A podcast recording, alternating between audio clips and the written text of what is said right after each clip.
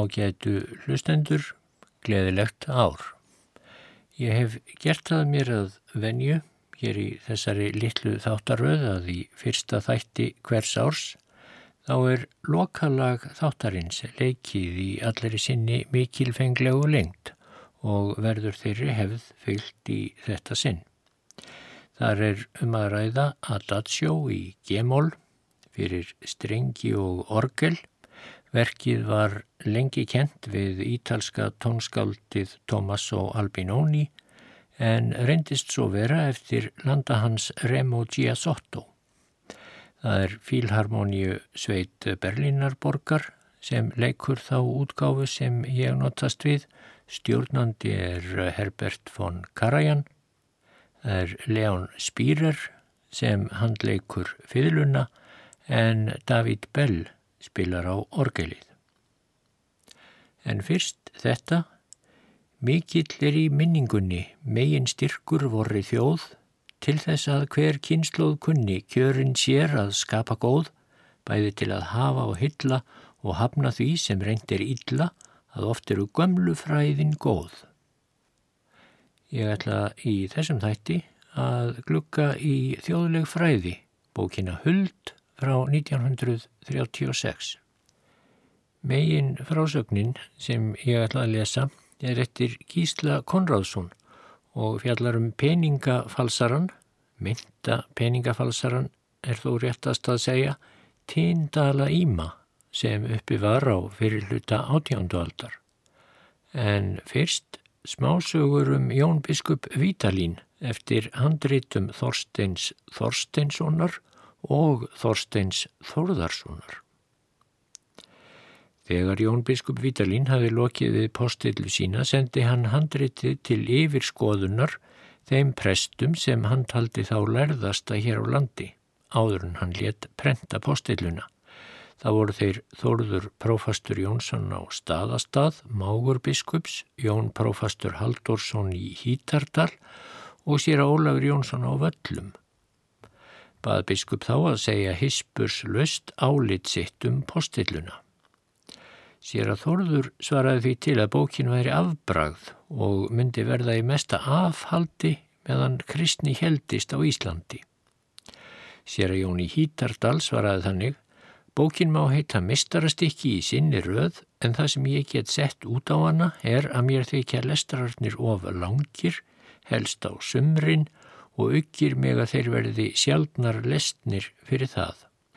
Er sagt að Vítalín biskup hafi orðið mjög hryggur við þetta svar og sagt að það væri ekki hægðarleikur að gera við þessu svo að ekki mistist ef til villið besta úr ræðunum. En þetta hlýtt að vera rétt úr því annar eins maður segði það sá sem glöggskignastur væri flestra manna. En það er sagt að Vítalín biskup hafi stýtt nokkra lestra helst að sumrinu en það eru þeir flestir stittri og er þá gert ráð fyrir að fólkið geti fyrr farið út að vinna. En svar sér að Eyjóls var á þessa leið.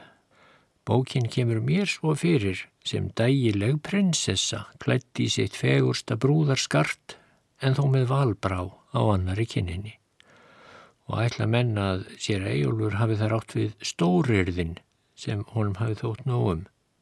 Ekki er þess getið hvað biskup hafi sagt um svör þeirra sér að þórðar og sér að eigjúls. En þegar Jón Vítalín var prestur á görðum og oltanessi komst hann að því að þar á nesinu var Karl einn sem mælt var að hefði ætíð byrra á sjó hvert sem hann vildi. Einu sinni kemur prestur til fundar við Karlinn og byður hann að flytja sig eitthvað sjóleiðis, Karlinn heitir því, Prestur segir að þeir þurfi ekki að vera nema tveir einir, bara þeir nú báðir ofan að sjó, Karlinn setur fram kænu sem hann átti og ítaðir báðir og fara upp í. Prestur hefur nú nákvæmar gætur á hvað Karlinn hef stað. Þegar komið er á flott, fer Karlinn fram í barka og fer að laumast ofan í vasa sinn, tekur upp blað með einhverju á og fer að þylja í hljóði fyrir munni sér. Prestur læðist að honum og spyr hvað hann sé nú að gera. Karlinn ætlar þá að stinga blaðinu aftur niður. Prestur segist á einverða að ráða þeirra í milli og skipar Karli að fá sér bladið og segja sér hvað á því stæði. Karl segist lengi hafa verið ekki byrsæl, hafi hann því farið til kunningja síns sem hafi vitað jafn langt nefi sínu og spurt hann ráða. Hann hafi þá gefið sér þetta blað og mælt svo fyrir að hann skildi lesa galdraþöluna á því þegar hann ætlaði að sigla og myndi það þá vel duga. Prestur les nú á blaðið og er á því paternoster, fadirvorið á latínu.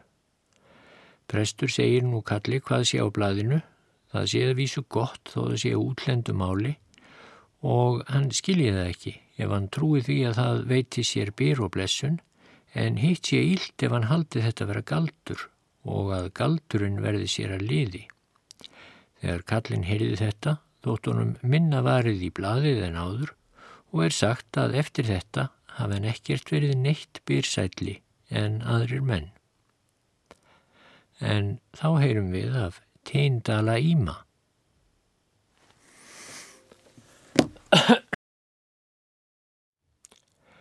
Bjarni hétt maður og var Eiríksson. Bjó hann söður á Stokkseyri og var við aldur, auðugur maður. Honum hurfu peningar úr kistu, halfur annar spesíudalur og tveir slettir og var þess var að tveir tíndalir voru komnir í staðinn einskís virði auðvitað.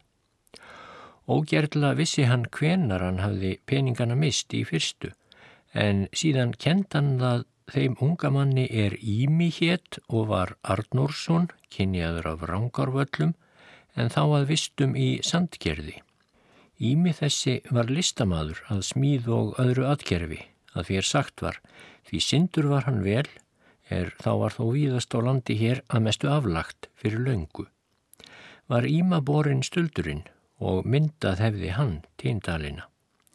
Það segja og sumir að Bjarni væri blindur er stólinn var peningunum, þuklaði hann fyrst um dalina og fannst þá mismíði nokkurt ávera, síndi það síðan heilskignum mönnum sem sáu hverskins var að þetta voru falsaðir peningar og var þá mál upptekið og yfirvöld letu það bóðútganga að handsama skildi Íma en þá var hann strókin og þótti mönnum að með því bindi hann böndað sjálfum sér fyrir stuldin en áður hafði Ími sinjað þverlega er hann var borin sökinni. En nú var upptekið mál að bóði Páls Beyers fókjeta er þá hafði vald siðra. Pál Beyer var norskur maður og hafði um tíma Ímisvöld hér og kom mjög við sögu deilna höfðingja ímissa. En nú skipaði Pál Beyer brandi bjarnhéðin sinni að prófa málið gegn Íma en brandur þessi hafði þá lögsögn í kjallarnistingi. Fekk brandur ekki annað uppgötvað en það að menn ætluðu Íma sannan að sög um stöldin og peningamyndina, fyrst og fremst sögum hagleika hans. Engin annar var talin hafa getað smíðað tíndalina svo haglega en annað benti vist ekki til sektaríma nema þá flótti hans undan réttvísinni. Fór nú prófið til Alþingis 1721 en lögmennir þá voru Ottur Sigurðsson er mest völd hafði hér um hríð og Níels Kýr, danskur maður, álíktuðu Íma rétt tækan hvar sem hann hittist fyrir og var honum þannig líst að lögbergi. Hann er lágur að vexti og grannvaksinn, gengur lotin um mitti, dökkur á hár og brá, líttsbrottin grön með dökkum blóðfarfa í andliti og nokkuð mislitum, helst ef kaldir. Hann er smáfeldur en þó langleitur nokkuð, feiminn með lítið hár, er slæst í lokka neðan til, Hann tekur löst í hönd þá hann hilsar, hann er hægur í sinni, fjölhæfur og syndur vel. Og var því og við bætt að Ími væri lígin og sjálfhælin. Merkilegt er hver mikið var úr því gert að Ími væri syndur sem selur og margt væri honum vel slingt en lít grandvar væran og vílaði fátt fyrir sér. Ími var nú síðan kallaður Tindala Ími en ekki verður greint hvert hann hljóp um landið þegar hann straukað sunnan. Áður en hann kom norður á strandir og byrtist í Árnesi í Trekillisvík. Þá helt hann stað Haldur Prestur, sonur Magnúsar Prófasts á stað í Stengrimsfyrði Einarssonar. Haldur átti Guðrúnu Bjarnadóttur frá Nauteyri. Hún var sýstir Bjarnaprests á Brjánslæk, var Bjarni fadir þeirra sonarsonur hins kunna Alexiusar Þorvarðssonar. Alexius varð frægur þegar hann hjó hönd af ormi frá Knerri í Breiðuvík undir Jörfabökkum árið 1577 og dæmdist fyrir það í sektir miklar og var útlægur gerð. Um orm var sagt sem kunnugt er engin er verri en ormur frá Knerri. Haldur prestur í Árnesi á Ströndum, þar sem Ími byrtist nú, Hann hafi fengið staðinn stóru bólu árið 1707 þegar fyrir prestur dó úr bólunni líkt og svo margir aðrir. Ími kom sér nú á vist hjá Halldóru presti en laug til nafnsins. Tók hann að smíða fyrir prest og þótti snild vera á öllum hans verkum og hann rýri og stundum með húsköllum pressins og þótti liðtækur með yfirbörðum, gast presti með öllu vel að verkum Íma en lýsing hans hafði verið send um landið allt og letu síslumenn byrta hana á mannfundum og við kirkjur í síslum sínum. Nú hafði lögsögu ellegar síslu völd á ströndum sumarliði Klemensson frá Marðarnúpi í Vastal og sendi hann lýsing í Árnes sem annar staðar. Þóttist Haldur Prestur þá sjá strax af lýsingunni að ími þessi myndi vera komin á vist með sér en hann let fyrst á engu bera og ráðurlaði hann íma nú í hljóði að forða sér því orð myndi ákoma hvar hann væri niðurkomin. Var það þá litlu síðar að skip mikið sást þar úti fyrir.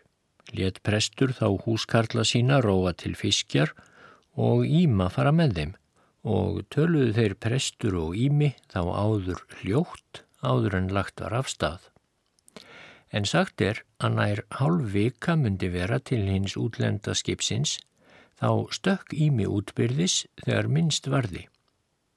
Við það rýru húskarlar í land og sögðu atbörð þennan. Létt prestur nú sem ími myndi feigur hafa verið, ellegar einhver ókunn ærsl hafa komið að honum þarna í bátnum, svo hann hendi sér útbyrðis og tjáumönnum ekkert um það að fást, ætluðu nú allir íma vera druknaðan. En það er af íma að segja að hann svam fram að skipinu, sáu skipir er hann og dróðu hann upp á skip sitt. Er talið að skipið væri fraknest, kvalfangara skip frakkakonungs og ef svo var þá hafði það ríki tekið fyrir ekki allöngu Lóðvík 15. Sónarsónur Lóðvík sinns 14. Skraut konungs hins mikla en eigi er kostur að greina hver lengi Ími var með hinnum frönsku kvalveiðimönnum Lóðvíks 15. En talið er að hann hafi reynst vel því hvað fær væri hann og sund maður mikill og vildu frakneskir brátt ekki fyrir nokkur mun missa Íma af skipi sínu.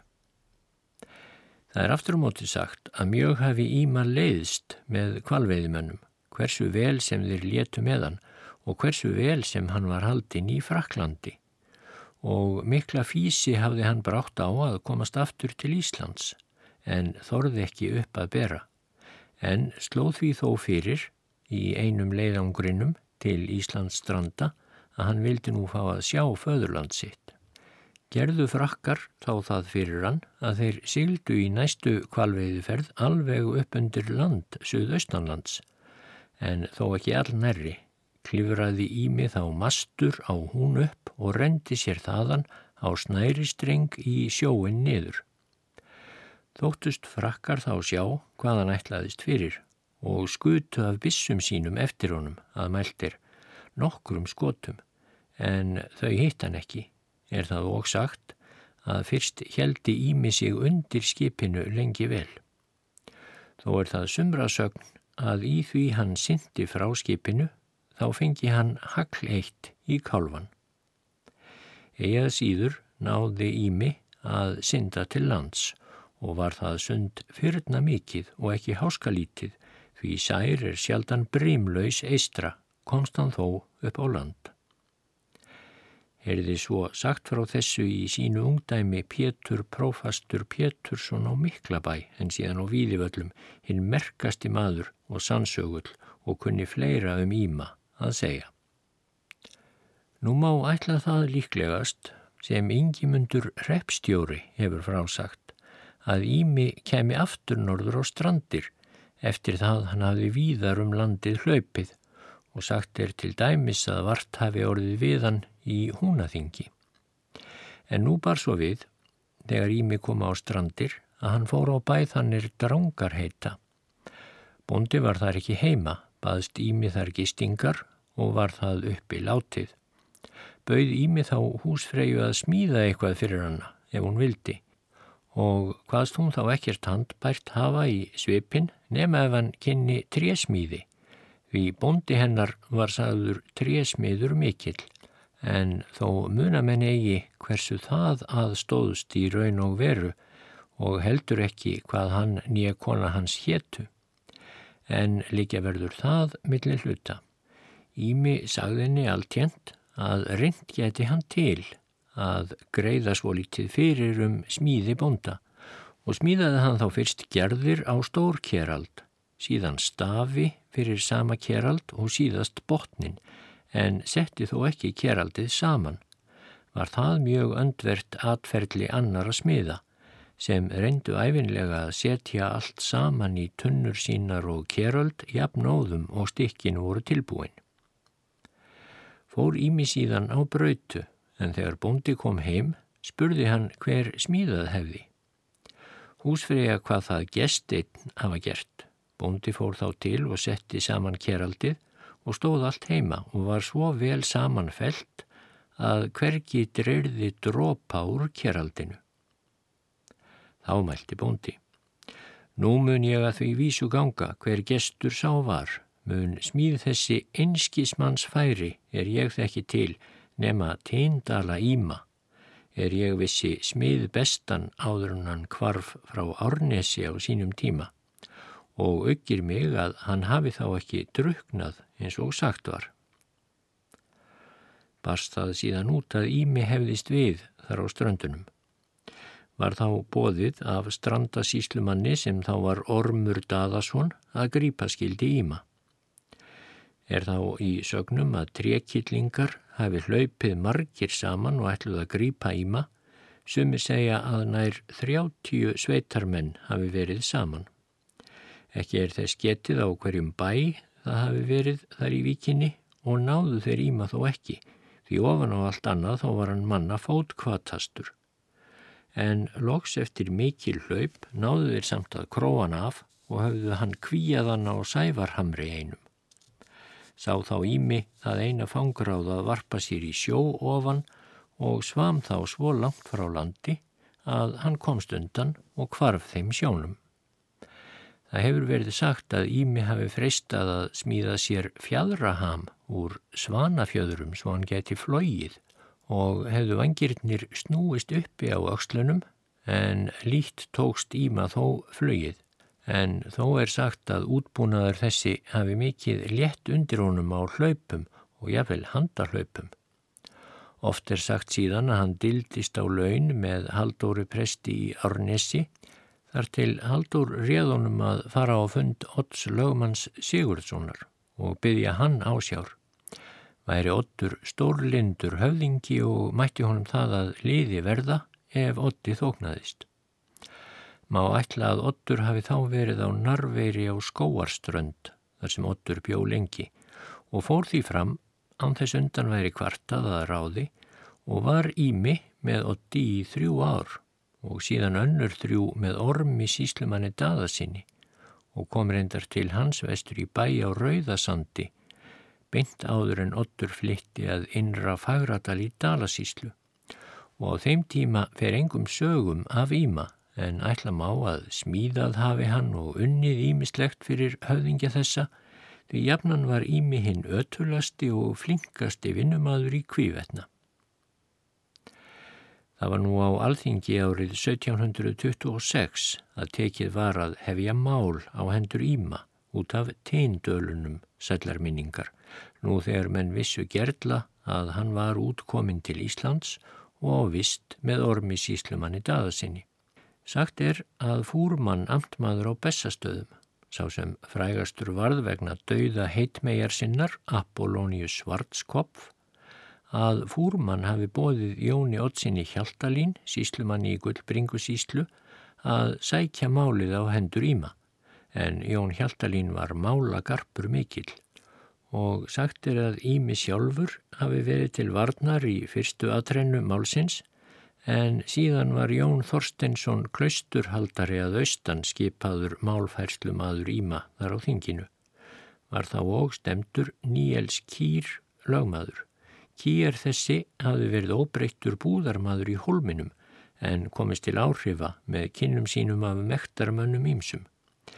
Ekki þótti Páli lögmanni Vítalín koma mikið til dómaraverka kers því að svo hvaðan eitt sinnum mann í dómarasæti sekkur situr svo sem aða í leirum sé ég að halur sínist veitur sér en ekki fleirum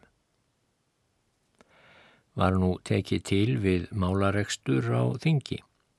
En með því að málið var svo gamalt orðið að því hafði ekki verið hrift í tólf ár, þá var það engum vittnum við komið sem vittnað gætu um hugsanlega smíði íma á hinnum fölsku teindölum.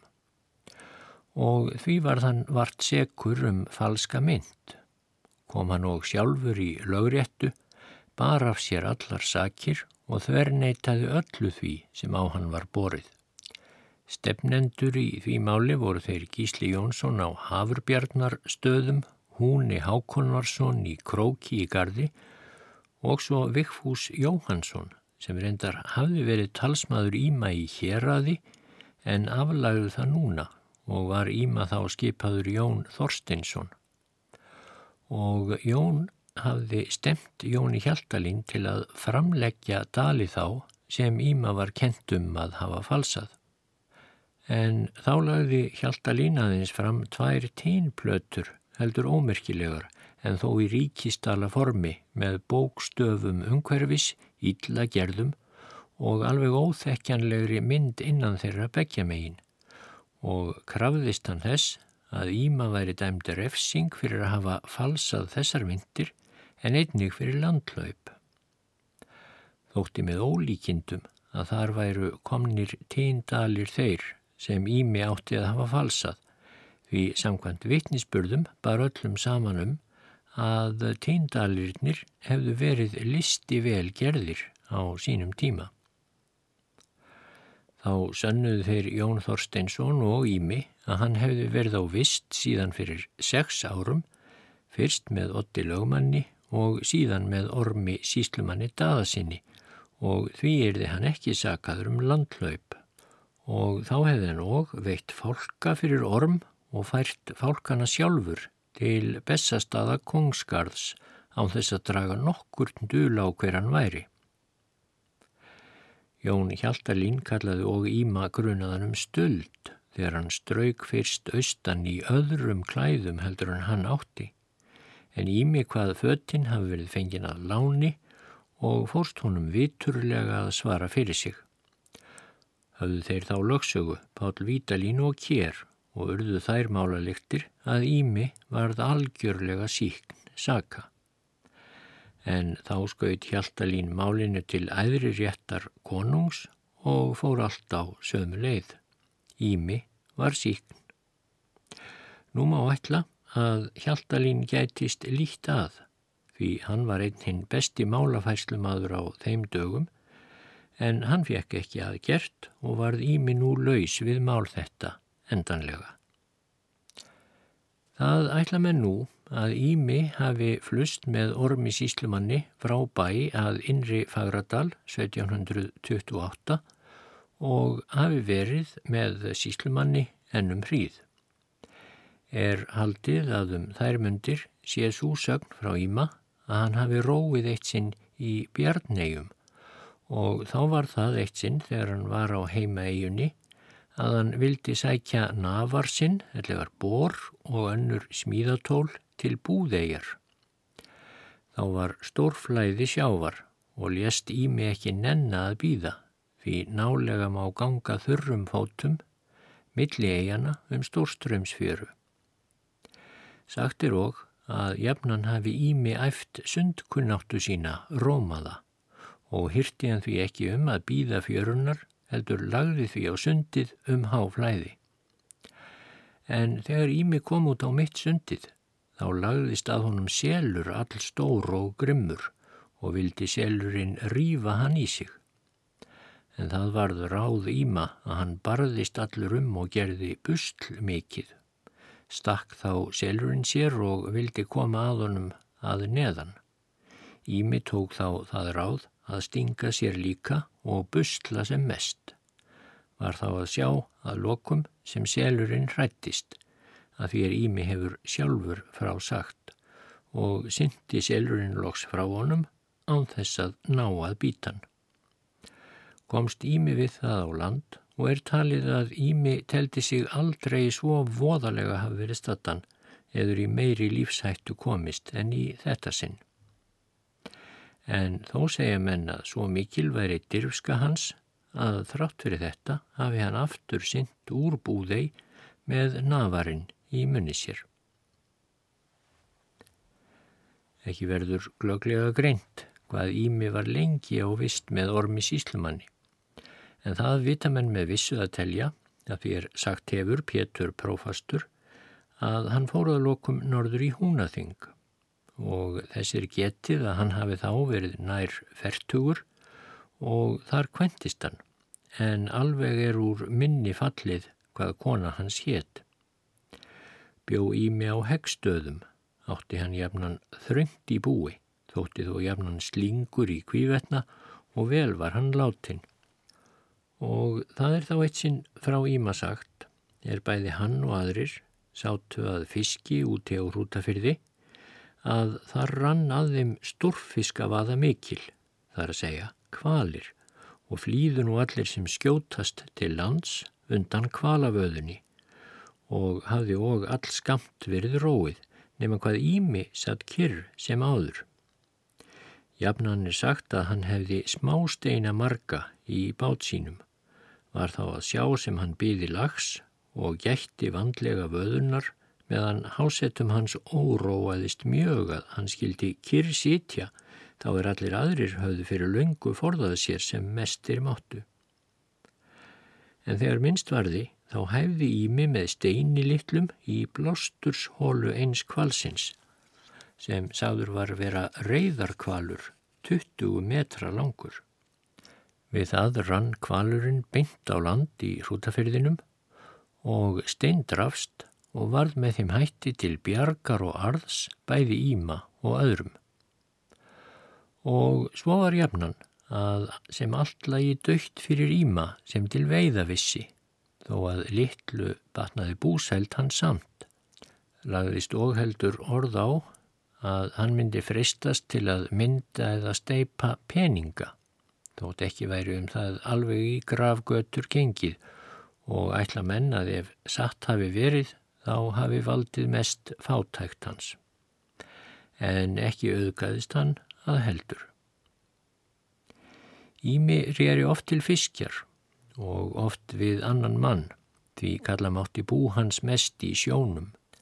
Rak þá eitt sinn á hann ofsaveður, svo undan rak hann frá Hegstaðanesi og norður lengst á húnafláan. Háseti hans dasaðist mjög, svo ekkert lið mátti vera að honum og lagðist hásettin fyrir, sjóveikur og hrættur. Fekk í mig þá ekki varið bátinn fyrir öldunum og koldi honum og þá druknaði sá sem með íma var. er sagt að það væri norður gengt Skjaldarbjarnarvík á ströndum þar sem Ími var komin í sjóin. Hugðist Ími þá lengja lífsitt svo litið með því að synda á leið til lands þótt ekki byggist hann við að komast alla leið því sund væri það meira en nokkur sundmaður fengi orkað og talið er að Ími hafi þá verið tekin mjög að eldast. En þá bjó í Skjaldarbjarnarvík Hallvarður Hallsson frá Hortni. Hallvarður var hinn mikilhæfasti maður um vit og aðra atgerfi og hann var kallaður margfróður en svo var sagt í þá daga þegar menn vissu lengra nefi sínu. Hallvarður settist nú upp hinn sama morgun og bátur Íma fórst og kallaði upp úr einsmanns hljóði að nú hefði slís að borist úti á flóanum og einhver væri voðalega stattur. Hljóp Hallvarður þá þegar til sævar og ratt fram báti sínum og rýri beint á sjó út. Var þá og veður tekið nokkuð að ligna. Og svo hefur verið sagt að svo hafi helst verið sem Hallvarði væri beinlínis vísað á Íma þar sem honum var mjög tekið að daprast sundið og nánast var að þróttum komin, en Hallvarður barg honum á bátsinn og rýri til lands. Hjúkraði Hallvarður Íma sem best og full hress varðan að lokum. Segja menn að hann hafi dvalið að Hallvarðar nær þrjá mánuði. Eftir það flutti Hallvarður hann heimað hegstöðum. Að skilnaði er sagt að Ími hafi bóðið Hallvarði nokkra peninga í bjarglöun en Hallvarður saðist ekki vilja nema skýran málm sem ekki væri beint kostur á á Íslandi þá. Og hann hvaðst raunar heldur ekki ætlast til bjarglöuna því það væri eitt af skilduverkum hvers manns að bjarga náunga sínum og ætti það ekki til fjár að vinna og fór Hallvarður við það heim aftur og það hefur sagt yngimundur repstjóri einn af heimildarmönnum um Íma að Ími hafi átt svon þann sem Þorstein hétt. Þorstein Ímason var kallaður skillítill og gerðist landlaupari allegar flökkurævill og gatt hann börn með ímsum konum. Sigríður hétt Mærein sem Þorstein Ímason tók á fjósslóð að sagt er í staðarsveit Sigríður var Eyjólfsdóttir og lagðist hann þar með henni. Var þeirra dóttir Þorbjörg, er síðan bjóað bólstað í Selordal, Jón hétt maður hennar, þeirra svon var Ólafur er bjóað bólstað og eru af þeim komin börn og bura. Á ími því marga afkomendur. En Þorstein Nímason átti og dóttur þá sem Guðrún hétt, hún dó barnlaus. Þorstein kventist að lokum en ílt orð lagðist á Þorsteinum meðferð á konunni. Svo sagt var að hann hýtti hana upp úr keitustampi og sagt var að marga furðaði hvað ólíkur hann var föður sínum að skaplindi. Því Ími var jafnan sagður hólindur og blíður. Um Þorstein Ímason hvað Bjarni skáld á Siglunesi stöku þessa Hauka sveifum, bistur brá, böðulsampars brota. Hlandólfs kleifum hýrist á, hefur tampin vota. Má af þessari vísu sjá að misjamt orð hefur lagst á Þorstein Ímason ef Bjarni hefur satt kveðið og aðrir hafi ekki orðum aukið. Áður er þess getið að orð hafi lagst á Ímaungan að falsamundi hann peninga og raunar kviknaði sá grunur aftur löngu síðar. Jón hétt búndi í Krossnesi í Trekilsvík, Jónsson búnda hins gamla er þar bjó, þá ímið valdist í Árnesi. Þeir feðgar voru vel fjáreigandi og Jón eldri var kallaður peningamadur mikill. Eftir hans dag átti Jón yngri oft kaup við Þórð Beiki Þórótsson á Reykjólum sem oft seldi Jóni Hesta og var þá komið fram á 19. öldina og Ími var vissulega löngu döður. En þá var það, þegar Þórður kifti hluta úr Reykjólum, að hann sendi síðan Magnúsi lögmanni Stefensen á Leirá peningan okkra í skuld sem hann hafði stopnað til einhverju sinni áður. En Stefensen lögmanni leist ein spesían af þeim nokkuð óskýr og varpaði henni á kakalopn og rökk spesían við það í sundur eður í marga hluti. Og þá reytaði Stefensen lögmaður harðurlega til þórðar og heimtaði hann kæmi upp falsi þessu og gerði grein fyrir hversu á þessari fölsuðu spesíu stæði. Fór Þórður þá á fund Ingimundar repstjóra að ráðgast um hversu meðskildi fara.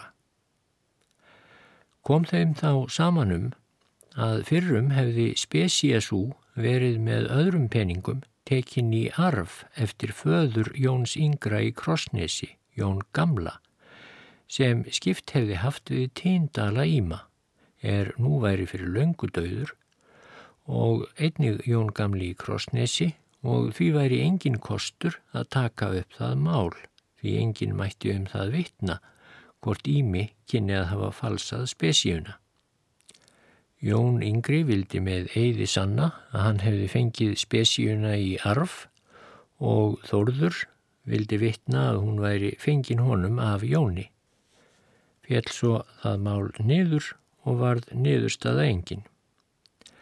Má geta þess að Þórður þessi Þórótsson sem hér kom við sögu var fadir Jóns Tórótsens skálds og því afi Þorvaldar Tórótsens skúla Tórótsens og þeirra sískina allra.